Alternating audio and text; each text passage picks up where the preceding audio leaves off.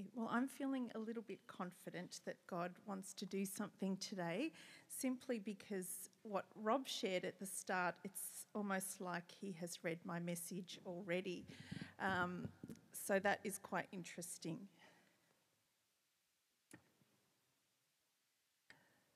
So, I want to tell you a story first about a young woman. Growing up, she experienced the usual childhood illnesses but when at university, long days and late nights took their toll and her health declined. It's just stress, the doctor said.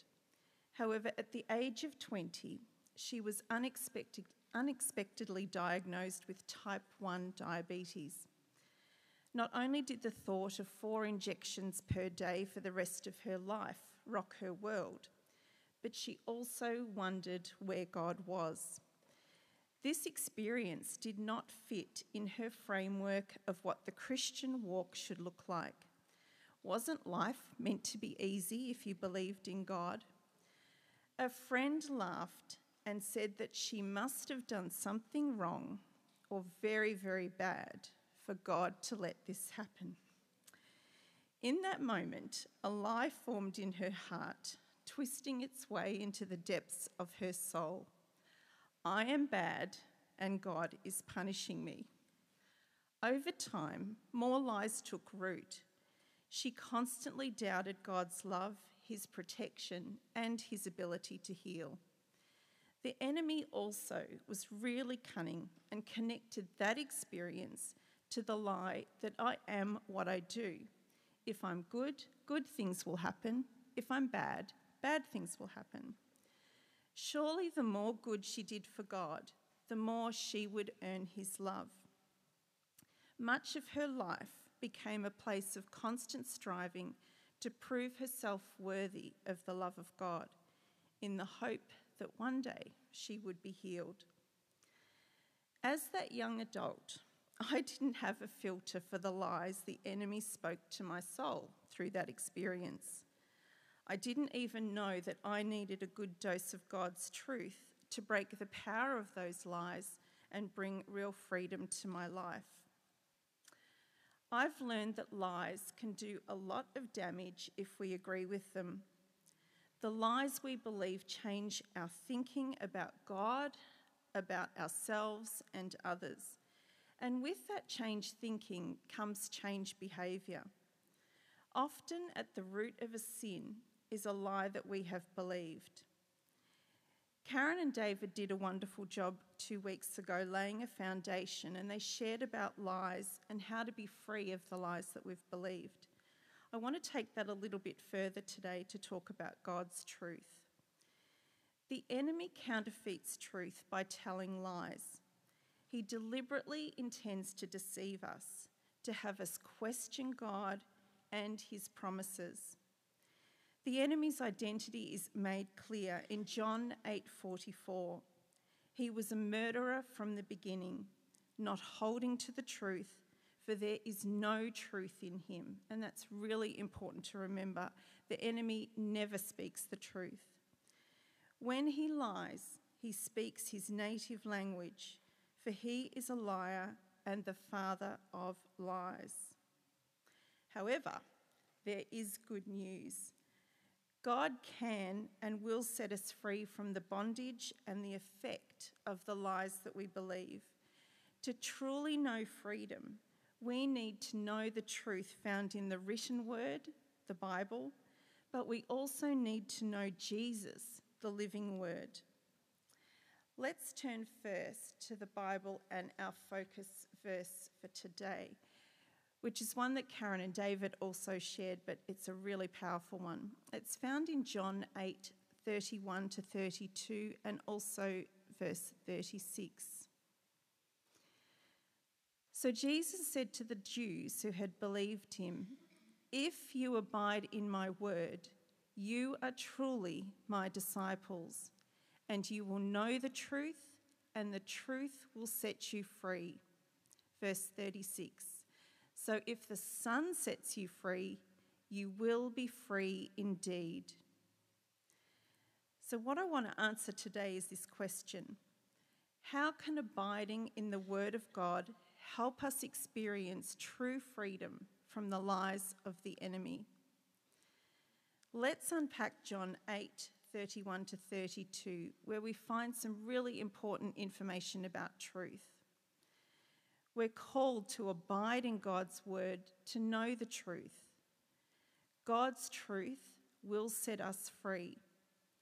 And God's truth destroys those lies like light overcoming the darkness. So we'll look at the first one. Abide in God's word to know the truth. In Jesus' instruction to the Jews, the word if gives us a good clue because it makes things conditional. If we do A, God will do B. And here is the promise if we abide in God's word, we will know the truth, and the truth will set us free. That is God's promise to us. So, what does it really mean to abide in God's word? And we can consider God's word in two ways. We've got God's word, the scriptures, which contain truth, but we've also got Jesus as both the word made flesh and the truth. In John 1:14, it says that the word became flesh and made his dwelling among us. We have seen his glory, the glory of the one and only Son who came from the Father, full of grace and truth. So, how do we abide in God's word, in both the written and the living word, to truly experience this freedom? Well, the word abide means to remain, stay, and wait. To abide in God's word, we therefore need to choose to remain or stay in relationship with Jesus and follow Him, the living word, but we also need to spend time reading and studying His written word, the Bible.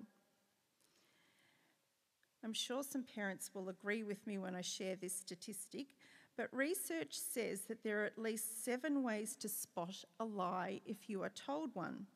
There's things like body language, the eyes, usually they're a dead giveaway if you're a parent, the mouth, and tone of voice.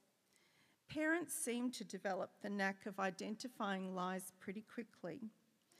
However, it is not as easy for us to identify the lies that are whispered to our souls by an enemy we cannot see. But the more we abide in God's word, the more we will recognize his truth, the truth of God's character.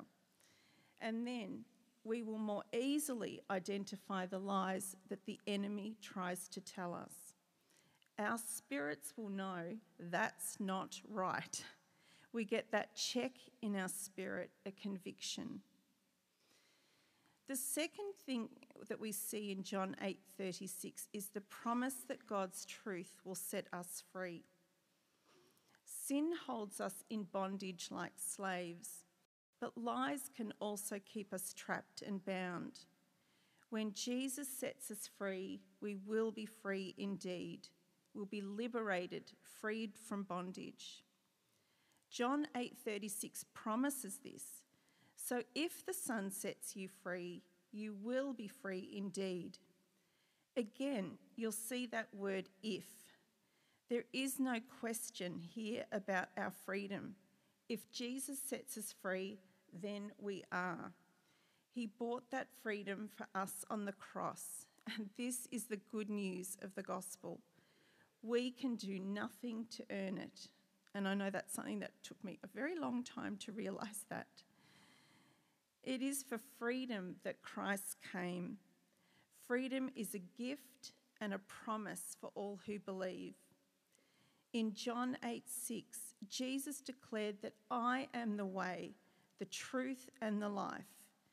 He is the only way to true freedom. He has the power and the authority to set us free. God's truth is His word, but it's also His Son. We are set free by Jesus, and we continue to be set free by the truth we find in His word. It was both secured at the cross, but it's, an, it's also an ongoing process because the enemy tries so hard to keep us in bondage to both sin and lies. He wants us to doubt and he wants us to forget the freedom we have already earned. The enemy's lies do three things they cause us to disbelieve. When we disbelieve something, it leads to doubt. And if we don't check in with that, if we don't have that conviction in our spirit, it leads to unbelief. Disbelief is the inability or refusal to believe or accept something as true. Every day, we are tempted to believe lies about God, ourselves, and others. Think about the serpent in the Garden of Eden. All he had to do was ask Eve, Did God say? In that moment, disbelief settled in her heart. She started to question things. Disbelief brings doubt to our souls, and over time, that doubt becomes unbelief, which is the state or quality of not believing. It's where you might say people are a skeptic, especially around matters of doctrine or faith. It's what turns us away from God when we start to unbelieve we have that unbelief in our spirit, we start to move away. We start to put our trust in other things. Abiding and agreeing with God's truth is the only thing that can stop that cycle. But it's not easy. We live in a day and age where truth is heavily contested, even that notion of absolute truth and the relevance or the accuracy of the Bible is fading. Everybody is questioning it, even non Christians. Each day we are bombarded through the news, social media, with information, opinions, and lies. And we are expected to extrapolate the truth from that. We're expected to find what is true. And it does your head in. It's not easy at all. The world says that truth is personal. You can define your own truth. People talk about living your truth, that it's all up to you. But the word says, and this is so important, that truth is a person. Truth is Jesus. Truth is only found in Jesus, the way, the truth, and the life. Taking God at His word and abiding in the word are sure ways to keep truth front and centre every day. So, what is the solution to overcoming these lies we are tempted to believe? We need to know that God's truth destroys lies. And I truly believe, and I guess this is from my experience too, that there is a scriptural truth for every lie that we encounter and every lie that we agree with. Think back to my story of being diagnosed with a disease. I'm so thankful that God did not abandon me and really wanted me to know the truth around that situation. And it was during a prayer ministry session that I was instructed by the lovely lady praying for me to ask God the question What lies am I believing about you? In this moment, I was pretty well undone but God revealed a list of lies that I had been believing related to my health. And He really wanted to shine His truth on those circumstances. God doesn't want us living in agreement with lies. I could suddenly see the outworking of these lies in my thoughts, my self talk, my behaviour, and in my relationship with God. Here are some of the examples of the behaviours, and this is only a short list because I don't have enough time to tell you all of them. But these are some of the behaviours that I noticed because I'd believed that lie. The lie that I believed was, I am bad and I'm being punished by God. I was afraid to receive prayer for healing because I didn't believe I was good enough. every time we had an invitation, even here at church, to come up for prayer, I would have this internal struggle going, You can't go up. You're bad. God's punishing you. You have, you've got this for the rest of your life. Simon probably knows how much of a struggle that was more than anybody. If I did get prayer and nothing happened, it just reinforced the lie that God didn't love me. But I think too, I was also expecting something particular to happen, and I missed the things that God was actually doing in my heart. My heart was constantly full of doubt, and I even wondered if God was real. If I sinned, I expected to be punished over and above the natural consequences for sin. And this is probably another story, but I went on to being um, diagnosed with three other diseases. And that just, even that reinforced the fact that you are bad and God is punishing you. It kept me striving to be approved as good enough by Him in order to earn the healing. And that was my argument with God all the time. If you really loved me, you would heal me. I've flipped that around now because I know healing is coming. He just hasn't done it yet. Think about these other scenarios where people may believe lies and it impacts their behaviour. The addict that believes the lie that only drugs or alcohol can numb the pain. The young child who believes the lie that it is their fault their parents broke up and begins to self harm. The man who believes the lie that money will buy happiness and gambles everything he owns. The woman who believes she must do it all and struggles to ask for help when she needs it the most. The teenager who believes the lie that they must sleep around to be accepted by a peer group. I could go on, and you might be even thinking of some lies now. Lies are like spiders that spin cobwebs. The cobwebs become the behaviours we adopt because we believe the lie.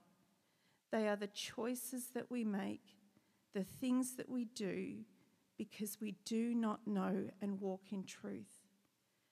We can deal with the cobwebs all we want. We can go in there and sweep them all out and feather duster them away.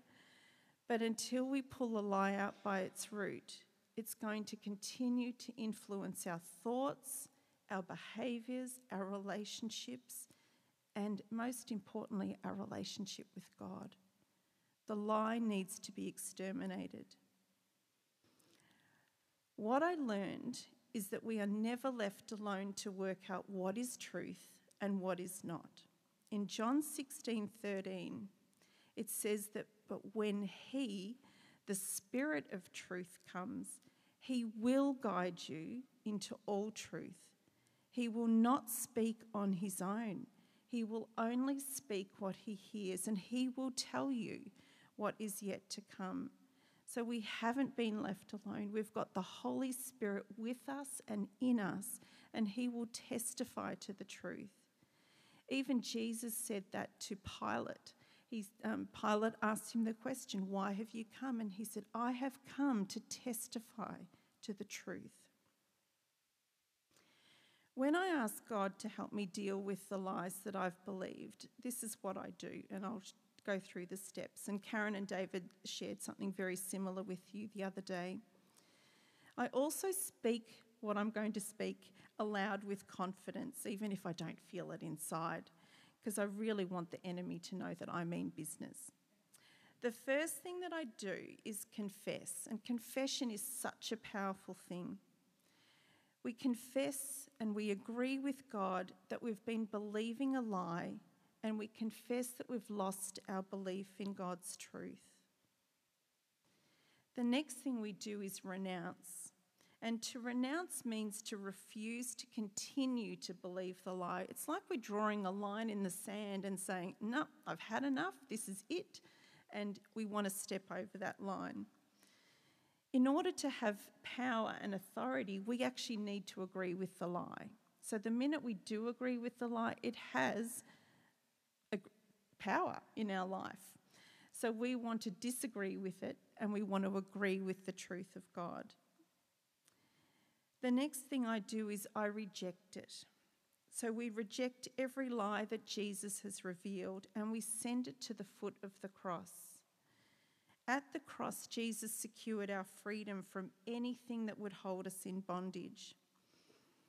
So I reject the lie and I actually speak the things out. I am what I do. I reject the lie that God is punishing me to make me unwell. Or it might be, I reject the lie that I need alcohol to numb the pain. I reject the lie that I cannot trust anyone, not even God.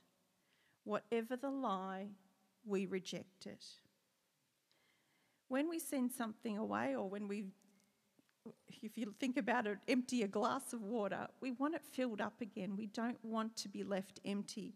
So the next thing is to do is to replace. And this is the most important thing, and I really want to spend some time on this. When you've broken agreements with a lie, you now need to replace it with the truth, God's truth, and you need to agree with that. So I asked Jesus in this moment what do you want to say to me, do for me, or be for me in the place of this lie? What do you want to say to me, do for me, or be for me in the place of this lie? And I just sit with that question. It's such a powerful question. Sometimes God will speak this, the truth straight into your spirit. It might just be a word or a phrase. Scriptures may even pop into your mind, hymns or songs. Whatever God tells you, I find it so powerful to write it down. This is where the work begins because we've often believed a lie for so long that it's become our normal, it's become part of our identity, who we are. So it actually will take some effort, some work, some time with God to fully grasp and walk in the truth. I did read something the other day that it takes approximately two months to form a new habit. So it's some people say 21 days, but this new research sort of took a bit of pressure off me. At least two months. So you've got to give yourself some grace and some time to walk in that new truth. So, one of the lies that I believed was obviously related to healing and punishment. So, I went to God's word and I found scriptures to counteract these lies. I used my concordance to look up words like healing, promises of healing, um, even punishment. And I went to websites, um, things like Bible Hub or Bible Gateway. There's a lot out there where you can look for word searches, and it shows you what the words mean in Hebrew and Greek. I chose about three to five key scriptures, and I wrote those out on little note cards, post it notes. I put them in my office, next to my bed, um, in my purse, and I wrote them out in my journal as well. And I use those words to speak truth to my soul and also when I pray. I taught myself to pray scripture because I think that's a really powerful thing to do. I speak the verses aloud when the enemy tries to bring the lies to me all over again, and thankfully, um, my family don't think I'm going too crazy. Um, but it is so important and I think it gives you a greater level of confidence when you speak something aloud rather than when you whisper it, you know, under your breath or in, in your spirit. If my circumstances told a different story, I would speak God's story over them. and that to me was such a powerful thing because often we look for the evidence, like we look for God to show us what's happening. That surely I will feel better if God's healed me. But even if I couldn't see the evidence, I would still keep speaking those promises, those truths of God to my spirit. Psalm 103 is one of my favourites that I use to speak truth and encouragement to my soul when I feel lies coming against me. And I'm going to read it out to you. Praise the Lord, my soul. All my inmost being, praise his holy name. Praise the Lord, my soul, and forget not all his benefits, who forgives all your sins and heals all your diseases, who redeems your life from the pit and crowns you with love and compassion, who satisfies your desires with good things, so that your youth is renewed like the eagles.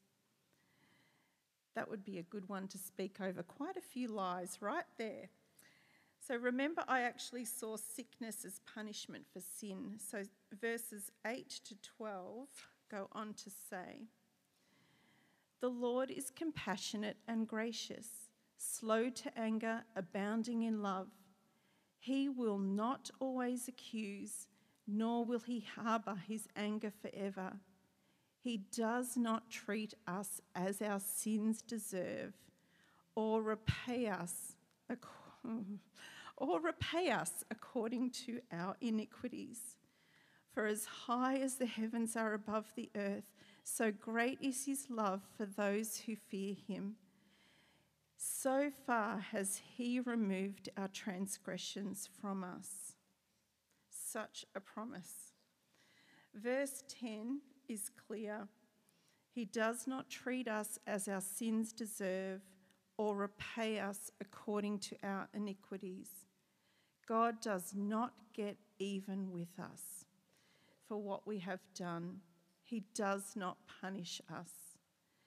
Speaking and praying truth is a powerful way to come against the lies that try to make us disbelieve and doubt God. We have access to an incredible battle strategy. The Word of God is our only source of reliable truth. Jesus came to testify to the truth of God's Word and God's character. And Jesus invites all to be set free of sin and the lies that hold us captive. We are called to know Him, follow Him, and believe in Him. And with confidence, we can trust every word that He speaks. He will never lie to us or try to deceive us because it's not in His nature abiding in the Word of God, filling our hearts and minds with truth, will truly set us free. We will experience freedom like we've never known before. Our thoughts will change, our words will change, our behaviour will change, our relationship with God will change. And this will be the fruit of walking in the truth and freedom of God. What I would like to do now is have a time of quiet and waiting on God. And I'm hoping Trav might be able and Simon might be able to come up. I'm really glad that Trav chose, chose that song Freedom Reigns because it was such, yeah, because it does. God's freedom is our protection, God's freedom is what we have been called into. And I'd like you just to sit and just wait on God and you can ask Him that question God, are there any lies that I've been believing about you? See what He says. And then I'll lead you through a time of personal prayer to confess, renounce, reject, and replace those lies with the truth. I'd like to do something a little bit different when we get to the replacing part, if you feel comfortable. And I'd love you to share the light only if you're comfortable with the person sitting next to you or people nearby. And I'd love you to pray together. But what I would like you to do is encourage each other from the Word of God. You might get a scripture for somebody that you can speak or pray that scripture over that person. If you've got your Bible here or you've got the Bible on your phone, you might like to look one up. But I'd really love us to get encouragement today from God's word, God's truth. So let's just wait on God.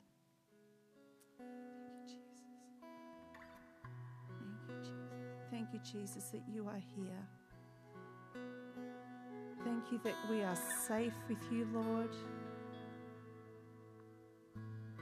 And Father, we just thank you that you speak to us. Our ears are ready to hear your voice. Thank you, Jesus. So, Lord, we just ask Are there any lies that we've been believing about you, Lord? Thank you, Father.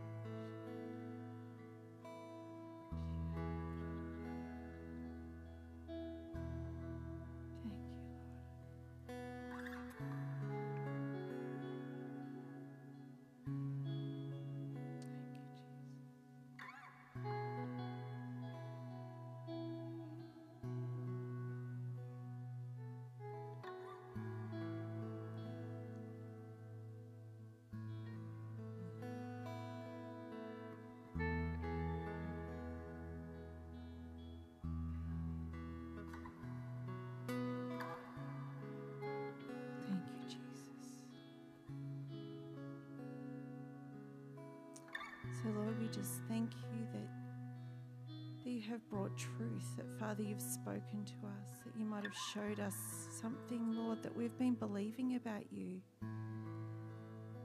that you would like to bring freedom to today. So, Father, together we just agree with you that we've been believing this lie and that we have lost belief in your truth. Lord, today we want to refuse to continue to believe this lie. And we break all agreements that we know about and that we don't know about that we've made with this lie. Thank you, Jesus. We want to agree with your truth today, Lord. We send to the cross every lie and we thank you, Jesus, that at the cross, you secured our freedom from anything that would hold us in bondage.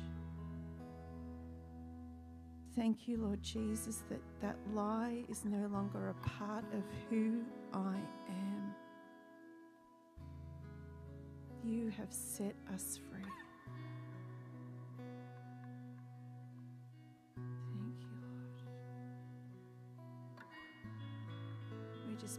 Your freedom, Lord. So, Father, right now, we want to agree with your truth.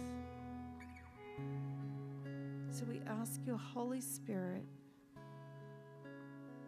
to speak truth to our spirits, our minds, our souls, and our body. Truth from your word, the living word.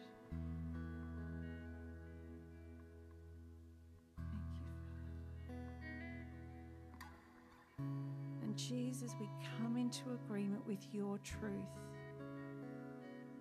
And we ask, Father, that you would seal that truth in our spirit right now in the name of Jesus. Thank you, Father, that we can confidently say who the Son has set free is, in, is free indeed.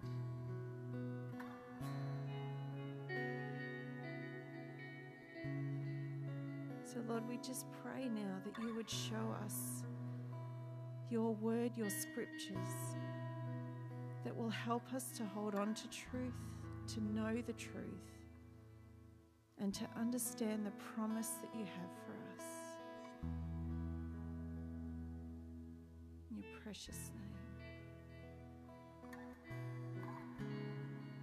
So, just in this time, if you do feel comfortable sharing what God's put on your heart with the person or people sitting next to you, this is a good time for that. Alternatively, if you would like prayer for healing or anything else that God's put on your heart, um, you're welcome to come up to the front and we'll have some people here who can pray for you. And if you're somebody who's got a word for somebody else, an encouragement, share the Bible verse, share a song, share a scripture, write it down for them, or even record it on your phone.